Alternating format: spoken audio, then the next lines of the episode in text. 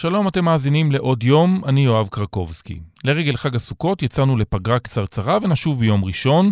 בינתיים החלטנו לחזור לכמה מהפרקים הבולטים שהקלטנו בשנה החולפת, פרקים שאנחנו חושבים שאם פספסתם, כדאי לכם להשלים או לתת להם האזנה נוספת. הבחירות לרשויות המקומיות התקיימו ב-31 בחודש. כדי להזכיר לכם עד כמה זה חשוב, בחרתי לחזור לארץ עיר שכונה, פרק שעסק בזלזול של השלטון המרכזי בשלטון המקומי. למשל, באמצעות חוק טבריה, שבינתיים הוקפא עד לבחירות הבאות, ועל השכונה שבה מנהלים לא מעט מהרשויות המקומיות בישראל. האזנה טובה, חג שמח. אתן מאזינות ואתם מאזינים לכאן הסכתים, הפודקאסטים של תאגיד השידור הישראלי. יש לנו חדשות מפתיעות בשבילכם, גם 2023 היא שנת בחירות. תודו שהתגעגעתם כאילו לא היו לנו כאן בחירות כל שנה בחמש השנים האחרונות, אבל הפעם, הפעם אלה הבחירות לרשויות המקומיות, אז אם אתם מבחינים לפתע שהגינות הציבוריות נעשות מטופחות יותר, שיש פתאום יותר מופעי תרבות, ובאופן כללי מחזרים אחריכם, תזכרו, אנחנו ערב בחירות. על משקל המשפט המפורסם של הנרי קיסינג'ר לישראל אין מדיניות חוץ אלא רק מדיניות פנים, אפשר לקבוע כמעט בוודאות. לישראל אין שלטון מקומי, רק שלטון מרכזי. למה הכוונה? הכל סובב סביב הפוליטיקה הארצית ועכשיו במיוחד. ערב הבחירות לרשויות המקומיות זה מורגש מאוד. השלטון המרכזי מתערב בנעשה ברשויות המקומיות מכל מיני סיבות, מכל מיני טעמים, מכל מיני אינטרסים. לכן זה לא ממש מפתיע שהצעות חקיקה שונות שעולות על שולחן הכנסת חודשים ספורים לפני הבחירות לרשויות המקומיות עוסקות באופן הבחירה של ראשי הרשויות. יש לי לגמרי בעיה עם חוק פרסונלי שריח של שחיתות עולה ממנו. האם ההתערבות הזאת, החקיקה הזאת, עלולה לפגוע בשוויון ההזדמנויות של כלל המועמדים? ואיך נראות הרשויות המקומיות שנייה לאחר הבחירות? האם היוזמות האלה פוגעות בניקיון הכפיים של ראשי הרשויות או של הפקידות הבכירה ברשויות המקומיות? שלום, כאן יואב קרקובסקי ואתם על עוד יום, הסכת האקטואליה של כאן. היום נצא לטייל בשכונה. השכונה שהיא השלטון המקומי שלנו, תרתי משמע. אורן אהרוני שלנו עשה מסע ארוך ויסודי ברשויות המקומיות בשנים האחרונות בסדרת הכתבות ארץ עיר. הממצאים שהוא הביא משם, לפעמים צריך לשפשף את העיניים כדי להאמין. יד רוחצת יד, עצימת עיניים לעיתים של עבירות שונות ומגוונות מצד שומרי הסף. מה גורם לזה שיש אווירה כזו ברשויות המקומיות? אורן יהיה איתנו ואיתו ננסה לברר מה אפשר לעשות אחרת. אבל קודם, יערה שפירא, כתבתנו בכנסת, תספר לנו על שלל הצעות החקיקה היצירתיות שתכליתן מה שווה השלטון המקומי, אם אי אפשר לשלוט בו.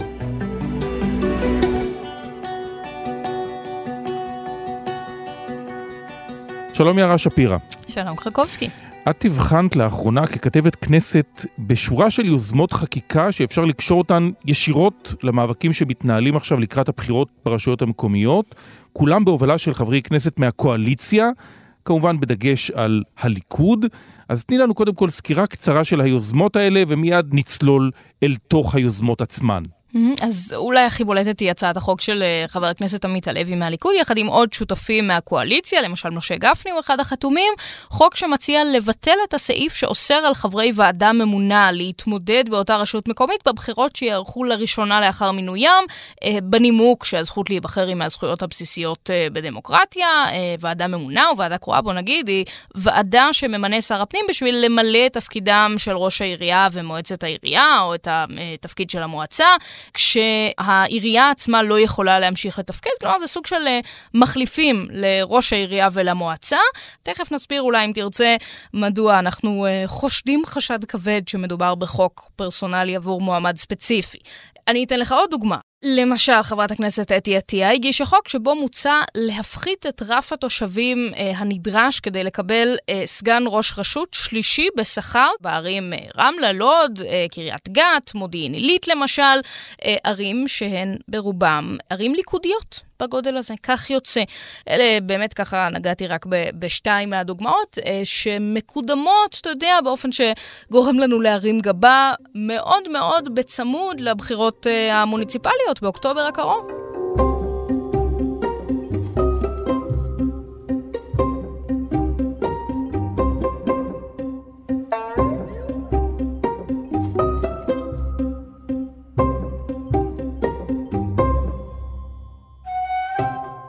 בואי נתחיל ביוזמה הזאת, באמת הבולטת מכולם, הצעת החוק של חבר הכנסת עמית הלוי מהליכוד, לשנות את החוק שאוסר על פקידים שמונו לוועדה ממונה להתמודד לרשות מקומית. אז תסבירי את הרציונל שעומד מאחורי החוק הזה.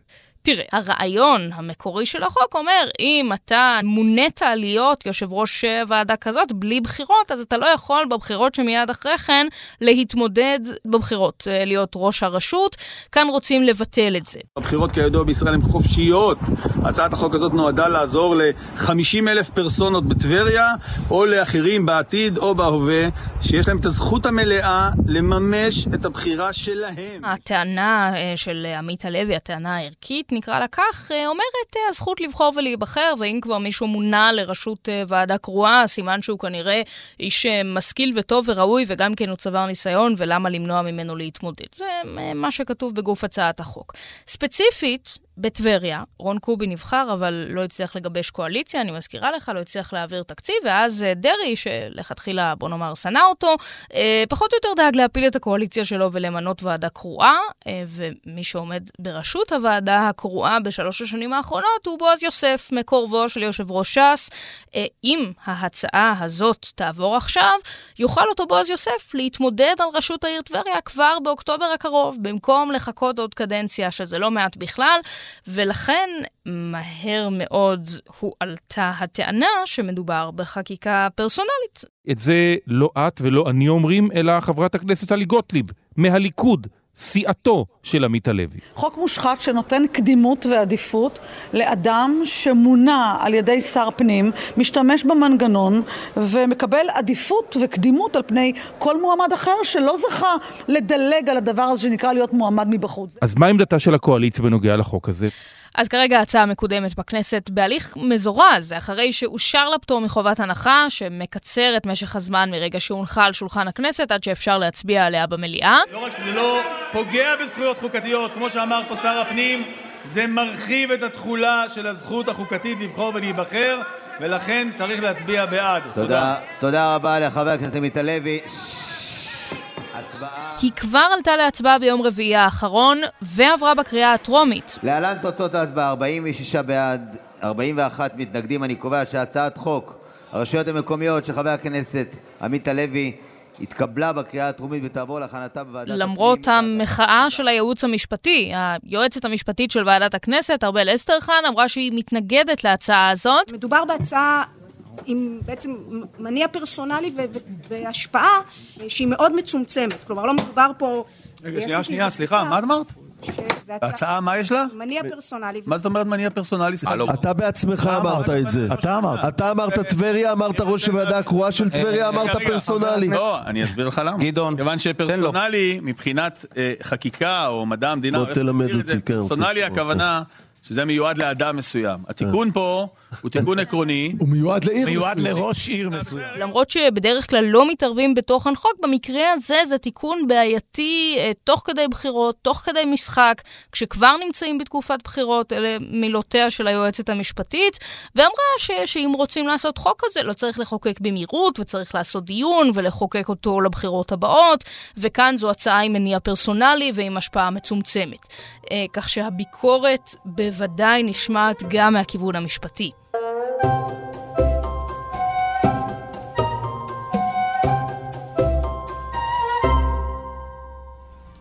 אז עכשיו בואי נדבר על הצעת החוק של חברת הכנסת אתי עטיה מהליכוד.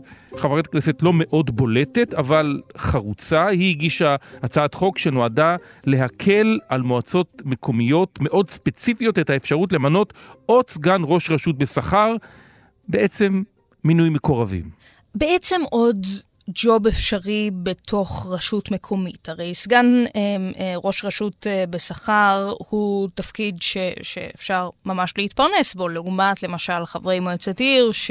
לא מקבלים כסף, נכון? הם, הם מגיעים מתוך שליחות ציבורית, וגם אם יש להם אה, תפקידים בתוך המועצה של העיר או של הרשות, הם אה, בסוף צריכים לעבוד בעבודה אחרת. הם, הם לא יכולים לעשות את זה. אה, כשמוסיפים עוד סגן ראש רשות, אז זה מאפשר עוד אדם במשרה מלאה שיעבוד לטובת העיר. לכאורה זה מועיל לערים, נכון? כי, כי אתה נותן עוד איש שהוא אה, פועל במשרה מלאה בתוך אה, אותה עיר. לעיר גדולה יש יותר אה, סגנים, לעיר יותר קטנה יש פחות סגנים. כאן ספציפית, בגודל הערים או הרשויות המקומיות שנבחרו בהצעת החוק הזאת, מדוע הרמנו גבה ולא רק אנחנו? מכיוון שיצא ככה שהערים שרוצים להוסיף להם עוד סגן, הן במקרה ערים ליכודיות. בדרך כלל, רובן, לא כולן, יש שם גם אה, רהט, אתה יודע, לא, לא דווקא עיר ליכודית, אבל הרבה מהן הן ערים של הליכוד. ואז באו ואמרו, טוב, היא רוצה להוסיף פה עוד ג'וב לאנשי ליכוד בעצם. כמובן שכשפונים לחברת הכנסת עטייה, היא אומרת, מה פתאום, ו- ואין סיבה לא לתת גם לערים בגודל הזה עוד סגן אה, כדי שיתפקדו כמו ערים אה, קצת יותר גדולות מהן. תיקון להצעת החוק שלי בא לתקן את העיוות. לפי התיקון, הערים שיש בהן מ-75,000 ועד 100,000 תושבים יהיו זכאיות לסגן שלישי בשכר. בעזרת השם, בתיקון יש בשורה, והוא יחול על הערים רעננה, מודיעין, עילית, רמלה. בסדר, וכאן שוב היינו רוצים לשאול את השאלה הכללית, למה עכשיו? ואולי גם נוסיף עוד הערה אחת, שגם את וגם אני יודעים, ואולי חלק ממאזיננו שכחו, אתי עטיה, מקורבתו של יושב ראש מרכז הליכוד, השר חיים כץ. רק אמרנו את זה, אולי אה, זה מרמז משהו על המניע הפנימי בתוך המנגנון הליכודי, למה חשוב שיהיה עוד סגן בשכר בחלק מהרשויות המקומיות.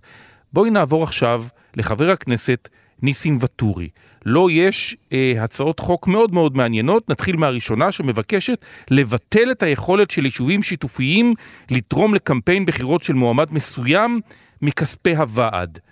למה? מה עומד מאחורי ההצעה הזאת? נסביר רגע מה אמרנו עכשיו. יש סעיף כרגע שמאפשר לקבל תרומות מיישובים שיתופיים לטובת מועמדים לראשי מועצות אזוריות. הטענה של חבר הכנסת ואטורי זה שזה מגדיל את היתרון של הקיבוצים. אה, שהם חלק ממועצה אזורית, וכשהם יכולים דרך הוועד לתרום למועמד, אז אה, בגלל הסעיף הקיים היום המאפשר להם לעשות את זה, זה נותן לקיבוצים, שהם הרבה פעמים יותר גם עם כסף ויש להם מה לתרום, אז זה מקדם את סיכוייהם להביא את המועמד שלהם להיות ראש המועצה האזורית על פני יישובים שאולי יש להם פחות משאבים לתרום, או פחות... אה, אפשרות אה, לתרום באופן הזה של אה, יישוב שיתופי. זו טענת חבר הכנסת ואטורי, וכאן שוב היינו רוצים לתהות את אותה תהייה כללית. נניח נכון, למה לקדם אה, כמה חודשים לפני הבחירות האזוריות. עוד הצעה אחרת של אותו חבר כנסת, חבר הכנסת אה, ואטורי, היא שמועמד לתפקיד ציבורי שהוא פעיל פוליטית לא יצטרך להצהיר על זה, ויוכל להתמנות לתפקיד ציבורי גם אם יש לו זיקה פוליטית לבעל תפקיד אחר, למשל לשר בממשלה. וכאן היינו אומרים, זו הצעה שהיא לכאורה אה, לא אה, לטובת מועמדים ספציפיים בבחירות לרשויות המקומיות, אלא היא מאפשרת לכאורה, אם אנחנו אה, מביאים לכאן את הראש הקרימינלי שלך ושלי, למי שרוצים להתמודד בבחירות לרשויות המקומיות, אה, לאפשר או להבטיח תפקידים עתידיים. Mm-hmm. כי אם ביטלנו את הזיקה הפוליטית, הרי שאפשר גם להבטיח תפקידים. נכון? אה, זה, זה הפועל היוצא, זו הסיבה ש, שבגללה לכתחילה אסור היה למנות לתפקידים ציבוריים מי שיש להם זיקה פוליטית. פעילי הליכוד לא יכולים לזה. דרך אגב, גם מפלגת העבודה, הם לא יכולים להתמודד לתפקידים ציבוריים. למה? כי בעוון, בעוונותיהם הרבים הם פועלים כל השנה למען עם ישראל, הם עושים פעילות. ואז שמגיע לאיזה תפקיד ציבורי שבעצם יכולים לתרום יותר אולי למען עם ישראל, אני מדבר על מפלגות שעושות פריימריס דרך אגב, ששם יש אה, חברים רשומים. אז פה דווקא הם נדפקים, ולכן הזיקה הפוליטית היא פוגעת, היא עושה עוול לאנשים שפועלים כל השנה. אז. גם זה עוד אחד מהחוקים אה, שככה הורמו הגבות אה, כשהוחלט אה, בידי חברי הכנסת לקדם אותם דווקא עכשיו. בואי נדבר עכשיו על העיתוי, יערה. כי גם ההצעות האלה, לפחות חלקן, אולי הן ראויות לדיון, אבל עצם העובדה שמעלים אותן רגע לפני הבחירות לרשויות המקומיות, זה בעצם העניין הבעייתי, זה גם הסיפור הפרסונלי. בדיוק כך. וכאן שוב, לכאורה, נכון, התשובה בגוף השאלה, זה סיפור פרסונלי, זה שחיתות וכן הלאה וכן הלאה. בואו ניתן רגע את האיפכא מסתברא בשביל להיות הוגנים, נכון? באים חברי הכנסת האלה ואומרים, טוב, אה, ברור שאנחנו נזכרים בבעיות בחקיקה שנוגעת לבחירות המקומיות לקראת הבחירות המקומיות, כי זה קרוב, ואז זה עלה, ואז הבנו שיש בעיות, אה, וחוץ מזה, תמיד זה לקראת בחירות. אבל תמיד זה זמן לא מתאים. כי בשנה שיש בחירות לכנסת לא יהיה מוניציפלי, כשיש מוניציפלי לא יהיה בחירות לכנסת, ולכן מתישהו מישהו צריך לתקן את הדברים האלה. כמו הרבה דברים... ש... אין תקופה אה, אידיאלית לטפל בשום דבר, ולכן אה, אה, אין אה, מניעה לקדם. עכשיו, מה שבאים, למשל בייעוץ המשפטי, אגב הצעת החוק של אה, חבר הכנסת עמית הלוי, באים ואומרים, טוב, רוצים לחוקק עכשיו, סבבה, אבל תעשו שזה יחול מהבחירות הבאות. כרגע, למשל, בהצעת החוק של הלוי, תשובת הקואליציה הייתה לא. הייתה, אנחנו רוצים לחוקק עכשיו ושזה יחול מעכשיו. אה, וכאן, אה, שוב, אנחנו צריכים לשאול את עצמנו, אז למה דווקא?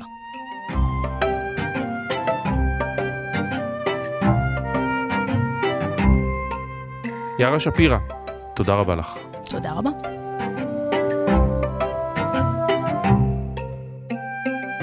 אורן אהרוני יצא למסע בלא פחות מ-40 יישובים ברחבי הארץ, ומה שהוא גילה זה שהרשויות המקומיות שלנו לעיתים מתנהלות כמו חצרות ביזנטיות, מלאות קשרים, מקורבים ואינטרסים. שלום אורן אהרוני. שלום. אז זה באמת שכונה, לא? בהרבה מאוד מקרים זה אה, לגמרי, אתה יודע, לא מפוקח, ו- ואנשים שם עושים אה, פאולים רציניים, ואין מי שמבקר, אין מי שמבקר, זאת הבעיה הכי גדולה. אז אתה חשפת בשנתיים האחרונות שורה ארוכה מאוד של סיפורים שבעצם מלמדים על השחיתות שמסתתרת בשלטון המקומי. מצאת משהו שאפשר לראות בו חוט מקשר? כן, קודם כל שומרי סף חלשים מאוד. כלומר, ברגע שאתה רואה שהיועץ המשפטי עובד עם ראש הרשות, ברגע שאתה רואה שהמהנדס מקבל כל מיני טובות הנאה, או אחראי על כל מיני פיצ'פקס כאלה.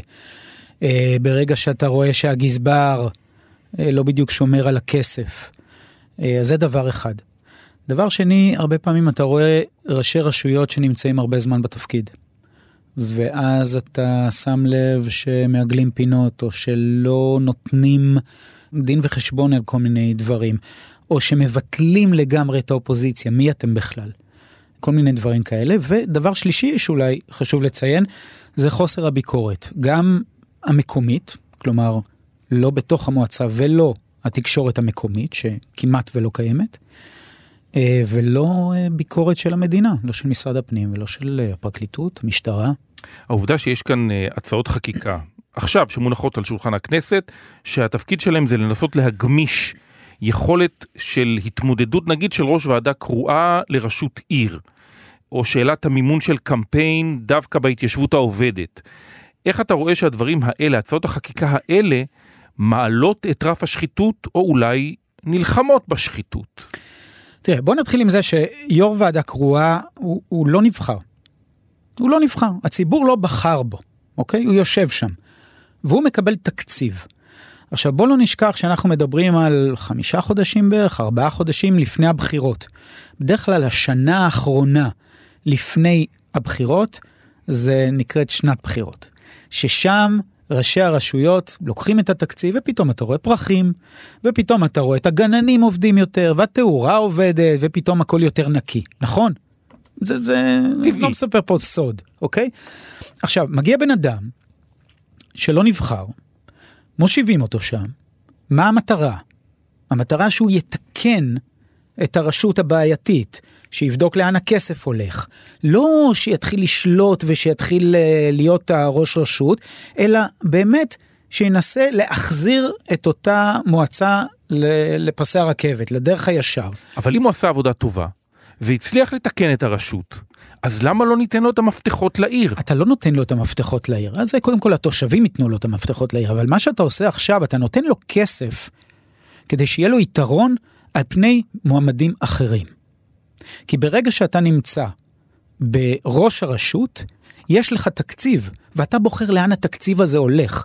עכשיו, מי יודע אם אותו אה, יו"ר ועדה קרואה ילך באמת לקראת התושבים ולקראת באמת הבעיות ולפתור את הבעיות ואיפה שצריך ולא ישתמש בכסף הזה בשביל פרסומות בשביל אה, אתה יודע לתקן כל מיני פיצ'פקס ולהגיד תראו מה עשיתי ותראו מה עשיתי זה הרבה כסף זה הרבה כסף שמגיע לאנשים האלה מגיע מהמדינה הכוונה לצורך העניין או מהתושבים והם מנצלים אותו בשנה האחרונה ו- ופה יש יושב ראש ועדה קרואה שיכול לנצל את זה לטובתו האישית. טבריה זה סיפור שאתה היית, ירדת לעומקו, עד כמעט התחתית של הכנרת חקרת שם את מה שקורה בעיר הזאת, אה, וכתוצאה אולי בין היתר גם התחקירים שאתה עשית, אה, רון קובי סיים את תפקידו כראש עיר, המועצה התנערה ממנו והגיע בועז, בועז יוסף לעמוד בראש הוועדה הקרואה, אולי דווקא שם זו דוגמה לראשי רשויות נבחרים שנכשלו לאורך שנים.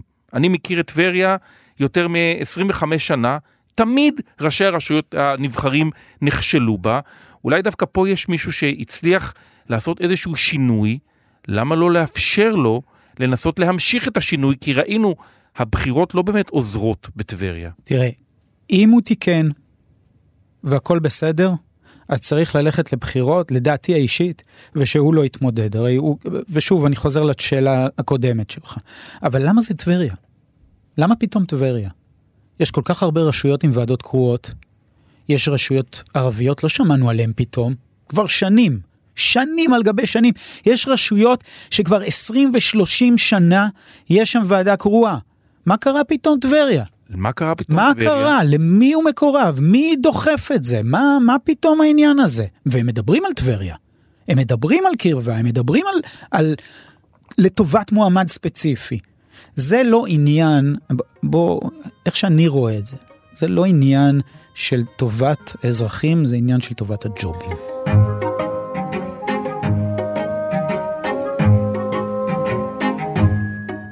הרשויות המקומיות, כמו שהתרשמנו מהסדרה שלך ארץ עיר, מתנהלות למעשה חלקן, בעיקר בפריפריה, כמו חצר ביזנטית של ראשי עיר, קומבינות על גבי קומבינות על גבי קומבינות. מה צריך אז לעשות? רגולציה של השלטון המרכזי, או אולי דווקא להפך? קודם כל, אנחנו עכשיו נמצאים, ב... איך שאני רואה את זה, זה בקצה השני. כלומר, ברגע שיש לך אה, ראש עיר בעייתי, ויש אופוזיציה שמנסה להילחם ודורסים אותה, אין ממש עזרה מהרגולטור. בוא, קוראים לזה רגולציה, אבל אין ממש רגולציה. משרד הפנים לא ממש נכנס, תראה כמה ראשי עיר נמצאים בחקירות. ותראה כמה אה, כתבות שאנחנו עשינו כאן, קרוב ל-40 יישובים שאנחנו עשינו והבאנו את התוצאות למשרד הפנים, אמרנו, תראו מה קורה פה. על חלק מהם עוד לא קיבלתי תשובה בכלל. כלומר, אין, אין גם את הצד השני. עכשיו, מה כן צריך לעשות? צריך א', לחזק את שומרי הסף, ב', צריך לחזק את האופוזיציה, לתת להם יותר כלים, וכן, לדעתי כן צריך לפקח יותר על ראשי עיר. צריך לבדוק יותר מה הם עושים, צריך להיכנס יותר לעובי הקורה, כי זה באמת הרבה פעמים נראה כמו חצר ביזנטית, כמו שאתה קורא לזה. זה, זה, זה, הוא עוזר לזה וזה עוזר לזה. ו... ואחת הבעיות הכי גדולות שברשויות המקומיות זה גם ענייני הנדל"ן. כי הרבה מאוד מההחלטות הנדל"ניות נמצאות בתחום קבלת ההחלטות של הרשויות המקומיות. ואתה יודע מה, בפריפריה לא תמיד שמים לב ולא תמיד הזרקור הולך לשם ולא תמיד רואים את אותו סעיף שלא פעלו שם כמו שצריך. אתה רואה קשר נוכח באמת התחקיר הדי עמוק לעבור 40 יישובים יהודים, ערבים, אה, בכל רחבי הארץ לאורך יותר משנתיים, אתה מוצא קשר גם בין מה שמתנהל ברשויות המקומיות לבין נגיד עליית רף הפשיעה אה, שאתה רואה נגיד בחברה הערבית? אני רואה לאו דווקא רמת הפשיעה, אבל אני כן רואה אה, את רמת ה... מהמקפצה נקרא לזה. ואתה יודע מה, ואפילו קיבלתי אה, תגובות מראשי רשויות שאמרו לי, מה אתה רוצה? בכנסת עושים את זה, אז אנחנו לא נעשה את זה, ככה מתנהגים שם, אז אנחנו לא נעשה את זה, אמרו לי את זה. דוגמאות? לדוגמה ברעננה. ברעננה באתי לשם, היה, היה אה, חבר מועצה שאיים על חבר מועצה אחר. אתה פועל בניגוד עניינים ואתה תאכל אותה. אני מבטיח לך שאתה תאכל אותה. אתה תמצא את עצמך באדמה. אחד, באדמה. וקללות שם ודברים נוראים. באתי לראש הרשות, שאלתי אותו, תגיד, ככה, ככה זה מתנהל? אתה רואה מה קורה בכנסת, אתה רואה מה קורה ברשויות המקומיות, במועצות, זה קורה גם ברעננה. אוקיי. ויש פה עניין כנראה ויכוח אמוציונלי בין שני אנשים, יכול להיות אפילו על אותו ציבור. אז אני, תוציא אותי מהמשחק הזה, זה לא שייך אליי המשחק הזה, הוא לא שייך אליי, ממש לא שייך אמירה אליי. ערכית? מה שאתה מראה לי, לא מקובל עליי, אבל אני לא מתעסק בזה, אני מתעסק בעצמי. אתה רואה ראש רשות, לצורך העניין בעפולה, שתוך כדי זה שהוא ראש רשות, הוא בעלים של חברת נדל"ן, היה, ושיווק דירות, תוך כדי, בעפולה. מעניין אותי לדעת כמה פרויקטים ראש העיר מקדם פה.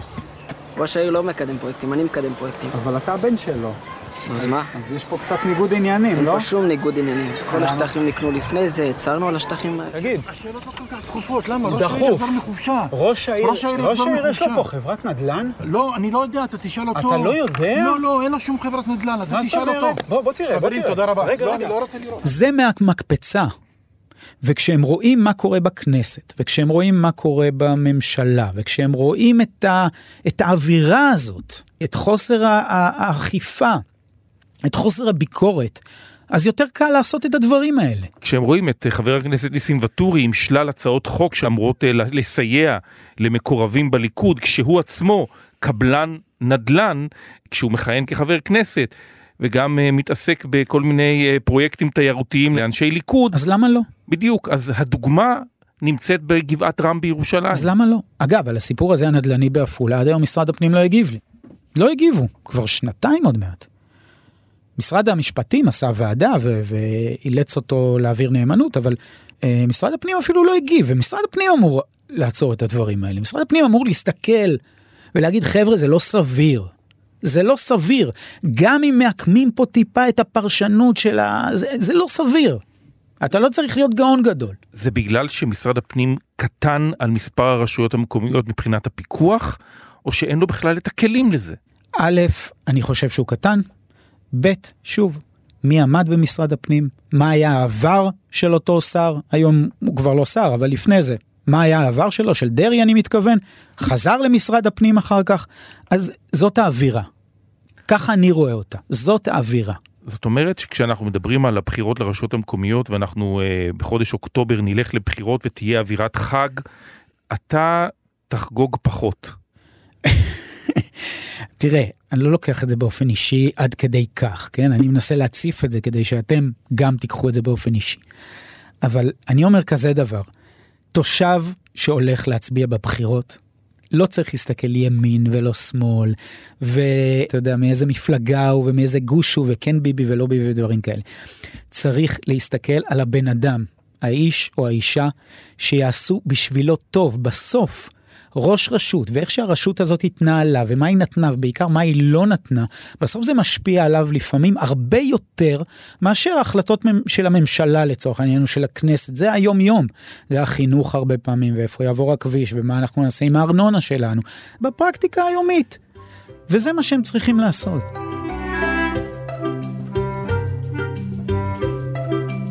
אז כמו שאמרנו, ארץ עיר, שכונה. אורן אהרוני, תודה רבה לך. תודה. האזנתם לעוד יום, העורך דניאל אופיר, עיצוב קול ומיקס אלעד זוהר, ביצוע טכני חן עוז וחיים זקן. בצוות האורחים, יותם רוזנבלד. היה לכם מעניין? שתפו בכל הכוח. אם אתם מאזינים לנו בספוטיפיי או אפל פודקאסט, נשמח אם תפנקו בדירוג גבוה. מוזמנים גם להשאיר שם הערה. תובנות שלכם על הפרק אפשר לשתף גם בקבוצת כאן הסכתים בפייסבוק, או בחשבון שלי בפייסבוק או בטוויטר שלי. פרקים חדשים של עוד יום עולים בכל יום ראשון, שלישי וחמישי. את כולם וגם הסכתים נוספים מבית כאן תוכלו למצוא בכל מקום שבו אתם מאזינים להסכתים שלכם. או באתר כאן. כאן יואב קרקובסקי. נשתמע.